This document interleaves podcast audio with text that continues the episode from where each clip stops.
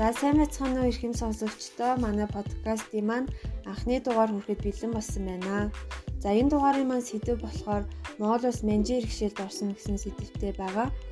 За сэдвийнхаа үрээнд Монгол улс менжийн иргэшээлд одоо байх болсон шалтгаан, за менжууд Монгол улсыг эзлэхийн тулд ямар бодлого баримталдаг байсан, за нэг монголчууд нэгдмэл ус байсны шалтгаануудын талаар өнөөдөр ярих болно. За ингээд шууд сэдв рүү оръё. 17 дугаар зууны үед Монгол улс нь Халах Монгол, Баруун Монгол, Өвөр Монгол, Хөх нүрийн Монгол гэсэн хэсгүүдээс бүрдэж байсан. За тийхүү одоо монголчууд тус тусдаа бие даасан байдалтай урших болж за нэгдмэл байдлаа алдсан нь бол Манжи иргэшээд орох нөхцөлийг бүрдүүлж өгсөн байдаг. Энэ үйл явц нь 1620-ад оноос эхлэн 130 гаруй жил үргэлжлээд за эцэст нь Монгол улс Манжи иргэшээд бүрэн орсон байдаг. За өвөр Монголын хувьд Манжин тал ихэндээ найрсаг харилцааг эрхэмлэж за худ ургийн холбоо тогтоож монголчуудад ич солилцож цэрэг ус төрийн холбоо тогтоохыг зорж байсан.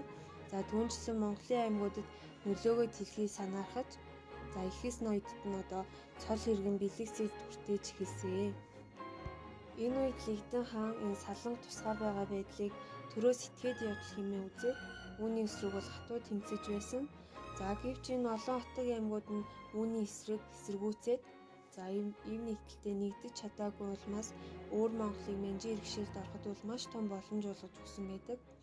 За ингээд Манжууд Лигдэн хааны эсрэг байгаа зэрэгтгэхэд үүдтэй хүч хавсраад бодлого явуулж эхэлсэн. 1626 онд Жарууд, Хорчин, Найман, Харчин зэрэг аймагуд руу Манж улс ээлж дараалан товчилж эрхэндээ оруулж эхэлсэн. За Алтан улс цархад товтлоход Харчин, Төмөд Орд зэрэг аймгийн ноёдууд бол хүч хавсраад Лигдэн хааны цэргийг бол буц зогсон байгаа. За ингээд 1632 онд Абхай Манж Монгол цэргийн үчээр дахин давтлахад за яалтчгүй хүчин давтсан Лигдэн хаан Хөх нуурын зүг зам буруулж 1634 онд Сэлхэн цэцэгүүд гэдэг өвчин тусаад за түүгээр ингээд нас барсан байдаг. За тэгээд Лигдэн хаан үгүй болсноор 1636 онд Өвөр Монголын 16 аймгийн ноёдын чуулган болоод за Алтан улсад агаар орсон. За халах Монголын хувьд болохоор манжнар халахын дотоод хэрэгт оролцох, за биедээ татах, хүч төрийн харилцах аажмаар иргэшээлтэд оруулахыг бол эрхэмлэж байсан. За харин халахын үед бол менжтэй ич солилцож найрсаг харилцаа тогтоохыг баримталж байсан. За тухайн үед нь засагтхан сувбайтайгаар өдөрдүүлсэн баруунгаар түшээд хан гомд орж цэцэн хан шолоонороор өдөрдүүлсэн зүүн гар гэсэн хоёр хэсэг хуваагддаг байсан. За энэ үед бол халахын дотоод хэмрэл маш даамж ирсэн хэдий ч 1688 урд халах бие даасан байдлаа алдалгүй тусгаар оршсон. За нөгөө тэгвэр түшээд хан зан базар нар 100 гарын галдан бушигтын тогтолгоон шахагдаж за энэ нь улмаар Манжи ивэлд ороход бол хүргэсэн.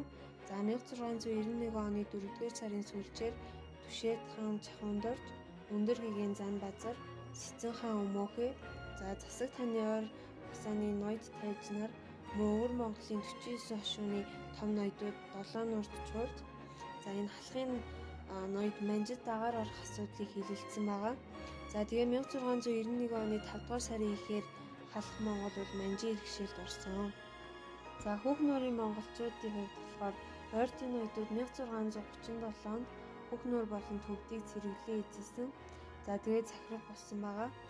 А хошуудын гүү шаан төр байхыг төвдийн хаа ширийн суулгаад за 5 дугаар далай лам лувсан жамцыг бол төвдийн бурхны шишний тэргүүнээр өргөмжлөөд за хошууд ус байгуулагдсан гэж үздэг.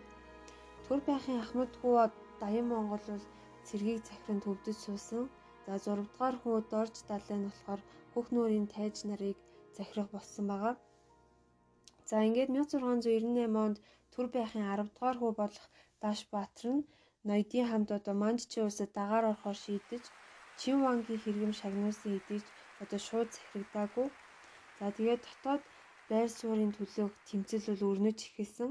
1717 онд 100 гаруй улсын жанжин их цэрэн дондын цэрэг за төвдийн ласыг эзлэн авч хошуу төгсааны хан лавзныг хөнөөсөн За харин 1720 онд болохоор Манжчийн улс төвд рүү цэрэг оруулан ойрдын цэргийн гол хүчийг буцагсан байгаа.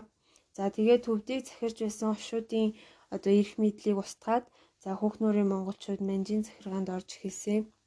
Зүүн гарын улсын тухайд болохоор торгууд, дөрвүүд, хошуудын нэг хэсэг нь ижил мөрөнлөө нөөсний дараа ойрдын цорсын ноёд бол гол сурыг эзлэх болсон. За цорсын тэргүүлэх Эрдэнэбаатар хунтайжийн үед бол ойрдын улс төр тогтворж маш хүчирхэгжиж эхэлсэн. Түүний хүү Галдан 1676 онд зүүн гар улсын хаан болоод за улсаа бэхжүүлж эхэлсэн байгаа. За гэвч 1688 оноос Галдан халах руу цэрэглэн Манчжи улсын эсрэг тэмцэж явах хойгуур Цэвэр авд өөрийгөө зүүн гарын хаанд өргөмжилсөн. За энэ үед зүүн гар улс хүчирхэгжиж бараг Манчжи улстай дүүцхүйц хүчтэй болсон. Гэвч үүний дараа зүүн гар улсын дотоодын хямрал зөрчилдөөний улмаас зарим ноёд нь урван одох болсон.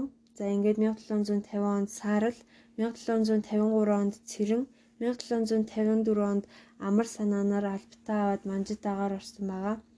За ингээд 1755 онд Манчжи улс их зэргийн хүчээр зүүн гарыг эзлэн товтлсон. 1755 оны 7 дугаар сард Даваач хаан баригдаад зүүн гарын улс бол мөксөн. Ийхүү 18 дугаар зууны дунд үеийг хүртэл тусгаар тогтнолоо хамгаалж үлдсэн зүүн гарын улс маань манжид эзлэгдээд Монгол улс бол бүрэн хэмжээгээрээ манжийн иргэшээлд орсон. За үүнээс үзэхэд бол Монгол улс манжид эзлэгдсэн хамгийн гол шалтгаанууд нь дотоодын хямрал, хоорондын байр суурийн төлөөх дайн, за ив нэгдэлгүй өөрсдийн эрх ашигыг хамгаалсан тийм тэмцэл, за манжийн баримтсан бодлого зэрэг нь бол Монгол улсыг манжийн иргэшээлд ороход хүргэсэн гэж үзэж болно.